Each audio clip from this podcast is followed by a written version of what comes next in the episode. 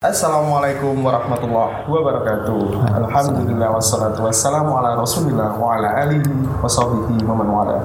Apa kabar pemirsa makna? Kembali lagi di sini bersama kami di Bincang Makna, bincang-bincang seputar agama. Di sini saya bersama guru kita yaitu Al Ustad Abu Yasa Eko Setiawan. Gimana kabarnya Ustaz? Alhamdulillah, khair. Gimana? Alhamdulillah. Alhamdulillah. Khair juga, Ustaz. Khair juga kan?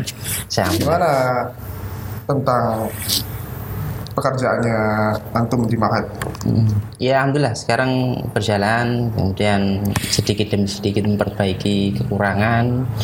Ya kemudian juga permasalahan eh, legalitas pun juga kita usahakan insya Allah ya mohon doanya ya antum semua juga pemirsa al makna semoga Allah subhanahu wa taala memudahkan kita insya Allah amin.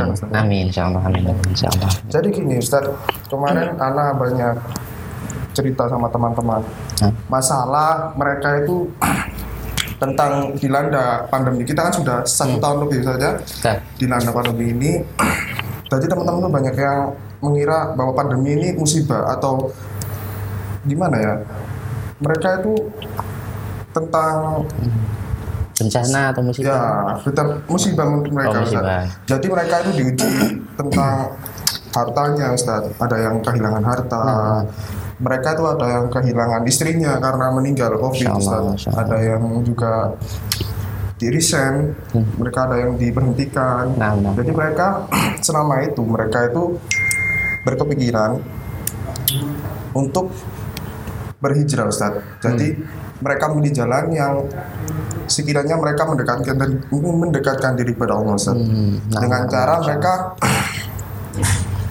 kadang hijrah cuma sekedar hijrah Ustaz. Hmm. Jadi apa sih hakikat hijrah yang sebenarnya Ustaz? Eh, Nah. Monggo nasihatnya Iya. Ustaz. Nah, Bismillahirrahmanirrahim. Eh, jadi, alhamdulillah nih eh, dari apa yang kita alami sekarang, ya, sebenarnya bagi seorang mukmin itu itu merupakan ujian. Ya, kan Allah sebutkan dalam Al-Qur'an wa balawnahum bil hasanati wasayyi'at. Kami uji mereka dengan hasanat, kebaikan-kebaikan seperti kelapangan, harta dan sebagainya, waktu luang, itu kan kebaikan ya. Wasayyi'at dan juga keburukan, kematian, mungkin juga virus dan sebagainya. Tujuannya satu la'allahum yarji'un, agar mereka kembali. Ya, kembali kepada kepada Allah Subhanahu wa taala. Jadi apa pun itu ujian baik kenikmatan ataupun kesengsaraan, hakikatnya satu, agar Allah kembali. Dan alhamdulillah, nggih, dengan mungkin adanya corona ini ya satu hikmah yang paling besar nggih. Kita lihat mungkin berbondong-bondongnya orang berhijrah. Ya, cuman yang jadi masalah nggih, kadang ketika hijrah sudah bingung. Ya, Ya, saya mau apa lagi ya ini gitu nggih. Walaupun hakikatnya ia ingin wah, saya ingin kembali kepada Allah. Ya. Lah, Alhamdulillah. Jadi tadi yang ditanyakan sama Akhina Dika. Mas, Mas Dika ya. Heeh, saya agak, agak, agak lupa ini. Ya, Ustaz ya. baru baru ini baru kenal, insya Allah. Eh, apa namanya hakikat tentang hijrah. Jadi sebenarnya hijrah itu kan eh, dalam Islam itu ada dua. Nah. Nggih, jadi hijratul makan berpindahnya kita dari satu tempat ke tempat lain. Ya, sebagaimana Rasulullah dahulu hijrah dari Mekah ke Madinah. Ya, yang kedua adalah hijratul hal. Jadi hijrah perilaku. Ya, jadi dia dari perilaku yang buruk pindah kepada perilaku yang baik. Ya, lebih detailnya lagi mungkin dari manhaj yang ya kita tidak tahu nggih. Ya. Manhaj yang kurang bagus kepada manhaj yang yang sahih. Nah, ini hijrah. Ya. Jadi hakikat hijrah yaitu apa? Ya, intinya apa? Dia berpindah dari keburukan menuju kepada keba kebaikan. Dan alhamdulillah, nggih, gelombang hijrah itu banyak. Banyak orang yang kembali kepada Allah, banyak orang yang eh, apa aktif datang di majelis ilmu. Ya, cuman tadi ya jadi permasalahan kadang. Terus setelah itu apa ya, yang harus dilakukan. Jadi eh Fabilah, eh, eh, hijrah dalam artian perbuatan tadi ya itu mencakup ya dia meninggalkan hal-hal yang diharamkan oleh Allah ya kalau dulu ngapunten biasa minum minuman keras maka sekarang ditinggalkan Ya. kalau dulu biasa yang muda-muda pacaran Mas Dika pacaran enggak? enggak Alhamdulillah, masih Alhamdulillah nggih. jangan ada kepikiran pacaran jangan nggih. sampai, Ustaz, ya. nikah saja sudah Nah, nah itu jadi dari hal yang diharamkan menuju kepada yang yang diridhai oleh Allah. Nih. Kemudian juga dari perkataan juga. Kalau biasanya dulu ngomong dengan omongan yang mungkin menyakitkan orang atau omongan-omongan kasar.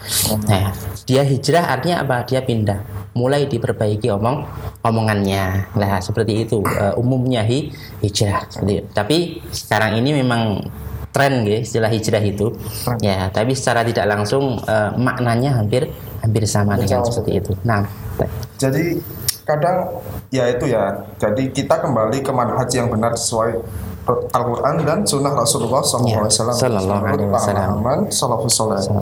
Jadi kadang-kadang teman-teman itu menyepelekan Ustaz. Kadang hmm. mereka sekelebat kan Instagraman misalnya kan sekarang kan hmm. banyak teman-teman yang hmm. Instagraman 24 jam kadang mereka oh. di handphone ini jauh yeah, ya. Yeah. Nah, nah, nah kadang juga mereka meng menghiraukan Ustaz hijrah karena mereka hmm. bilang Allah ntar juga berubah yang hmm. benar itu hidayah itu ditunggu atau dijemput sih Ustaz nah jadi keinginan untuk hijrah kemudian sampai dia tindak lanjuti dengan perbuatan baik ya meninggalkan berbulu itu sebenarnya sudah bagian dari hijrah. Ya. Tapi memang ya kadang orang berpikir seperti ini. Ada hal-hal yang belum biasa laku, dia lakukan. Ya akhirnya dia berpikir ah hidayah itu kan apa namanya milik Allah nih. Saya belum dapat hidayah. Ya, semisal ada orang seorang wanita semisal mbak kenapa kok sekarang sudah ngaji tapi masih sering buka aurat? Nah gitu. Uh, saya masih belum dapat hidayah. Nah ini ini rancu ya jadi pemahaman hidayah sebagaimana yang disampaikan oleh para ulama jadi hidayah itu ada dua yang pertama hidayatul irsyad wal bayan jadi dari irsyad wal bayan itu hidayah petunjuk dan penjelasan. Contohnya apa? Contohnya adanya majelis taklim, kemudian kitab-kitab yang membahas tentang ilmu ya, kajian-kajian para ulama itu ada dan serba di mana-mana. Tinggal kita mau ngambil enggak. Ya, jadi hidayah irsyad wal bayan ini tersebar di mana-mana. Yang kedua, hidayah itu taufik. Nah, ini hanya Allah yang ber, berperan di sini. Dalam artian apa? Allah yang menghendaki memberikan hidayah taufik. Apa itu hidayah taufik? Allah mencocokkan terhadap apa yang dipelajari dengan amal perbuatannya. Ya, makanya kita dapati ya orang ilmunya tinggi. Sudah dapat hidayah irsyad wal bayan tapi ada bagian-bagian Islam yang tidak dijalankan. Nah, ini belum dapat hidayah ta taufik. Ya, maka orang yang berhijrah, ya, hendaklah dia meniatkan untuk tolabul ilmi. Ya. Kemudian sebisa mungkin mohon pertolongan Allah agar supaya apa? mudah mengamalkan apa yang telah dipelajari. Ada sebuah e, perkataan yang disebutkan oleh sahabat Ibnu Mas'ud, ya, amalkan ilmu yang kau pelajari. Ya, niscaya Allah akan ajarkan sesuatu yang tidak diajarkan kepada orang lain. Apa itu? Wallah alam bisawab. Ya, kalau memang benar ini disebutkan kepada Ibnu uh, Ibnu Mas'ud, mungkin makna dari perkataan ini bisa jadi Allah berikan kelebihan.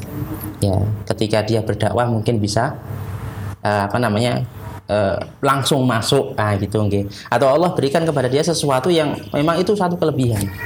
Inilah apa yang namanya kelebihan daripada menjalankan ilmu yang telah di, dipelajari. Ya, Allah Jadi hidayah itu antara dijemput atau ditunggu? Nah, dijemput hidayah dijemput, gitu ya? ya. Jadi, Jadi kita harus memang harus gak usah malas-malasan ya ke majelis taklim. Iya, nah, mungkin. Karena Rasulullah sendiri perintahkan untuk mencari ilmu. Ya, utlubul ilma uh, minal minal mahdi ilal lahdi ya. Carilah ilmu dari ayunan sampai liang liang lahat. Ya. Artinya apa? Kalau kita pengen lurus hijrahnya, kalau kita pengen uh, apa hijrahnya sesuai dengan perintah Allah dan Rasulnya, maka cari ilmu. Ya maka sepakat para ulama nyari ilmu itu wah, wajib. Hmm, ya. Sampai nah, kita tua saja. Sampai kita meninggal dunia. Iya, bahkan ada seorang ulama yang ketika beliau mengalami sakaratul maut, ya, uh, apa namanya? Beliau masih ingin mendengarkan hadis, hmm, gitu. Ya. Beliau mengatakan ketika ditanya kenapa melakukan hal itu, ya karena Rasulullah menyampaikan ya mencari ilmu itu mulai dari ayunan sampai liang lahat. Ya, akhirnya beliau meninggal dalam kondisi belajar hadis Mas. atau mendengarkan hadis. Insya Allah luar biasa. kadang ya mungkin dengarkan YouTube atau apa gitu. Nah, apalagi kita kan ada banyak sekarang ada yang ustaz nah, nah. ada di YouTube ya. Nah, nah, alhamdulillah itu nikmat dari Allah Subhanahu wa taala. Nah, nah. Kadang teman-teman juga ini banyak teman-teman dari teman-teman teman-teman juga kadang mereka juga berhijrah itu karena bukan karena Allah Ustaz, bukan dari Ta'ala. Hmm. Jadi mereka berhijrah karena manusia, karena mertuanya, ke, hmm. karena kadang tidak mertuanya langsung dia usul salat, hmm. kadang tidak mertuanya, masya Allah dia langsung Nah, nah.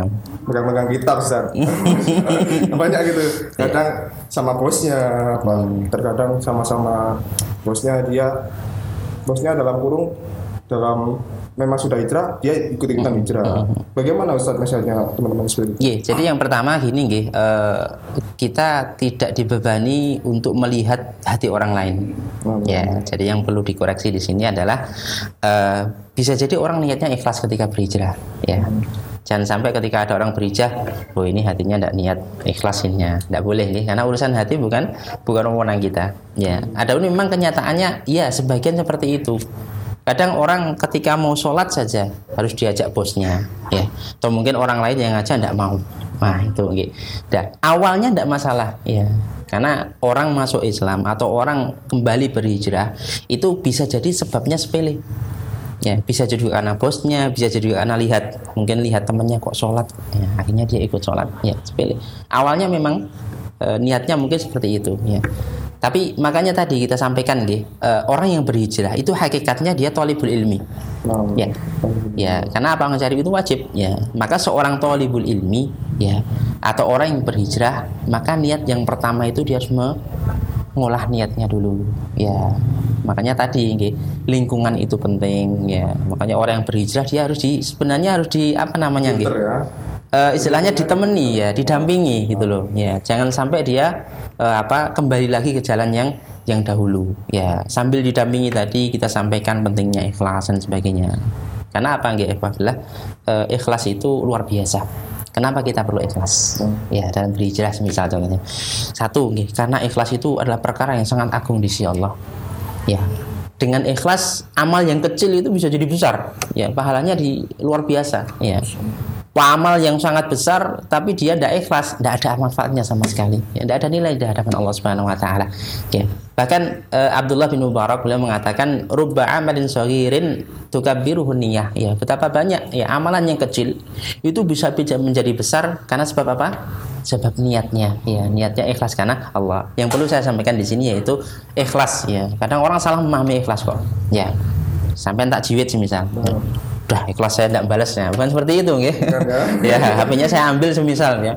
Oh, ikhlas saya tidak tidak mau. Nah, bukan seperti itu. Ya, ikhlas di sini sebagian pengertian syar'i yaitu apa? Memurnikan ibadah hanya kepada Allah. Ya, jadi ibadah tujuannya kepada Allah. Maka ketika orang hijrah, saya niat karena Allah sudah perkara temen tidak dukung, perkara ada orang yang mencela atau mencibir dan sebagainya. Kalau dia ikhlas karena Allah, selesai urusan.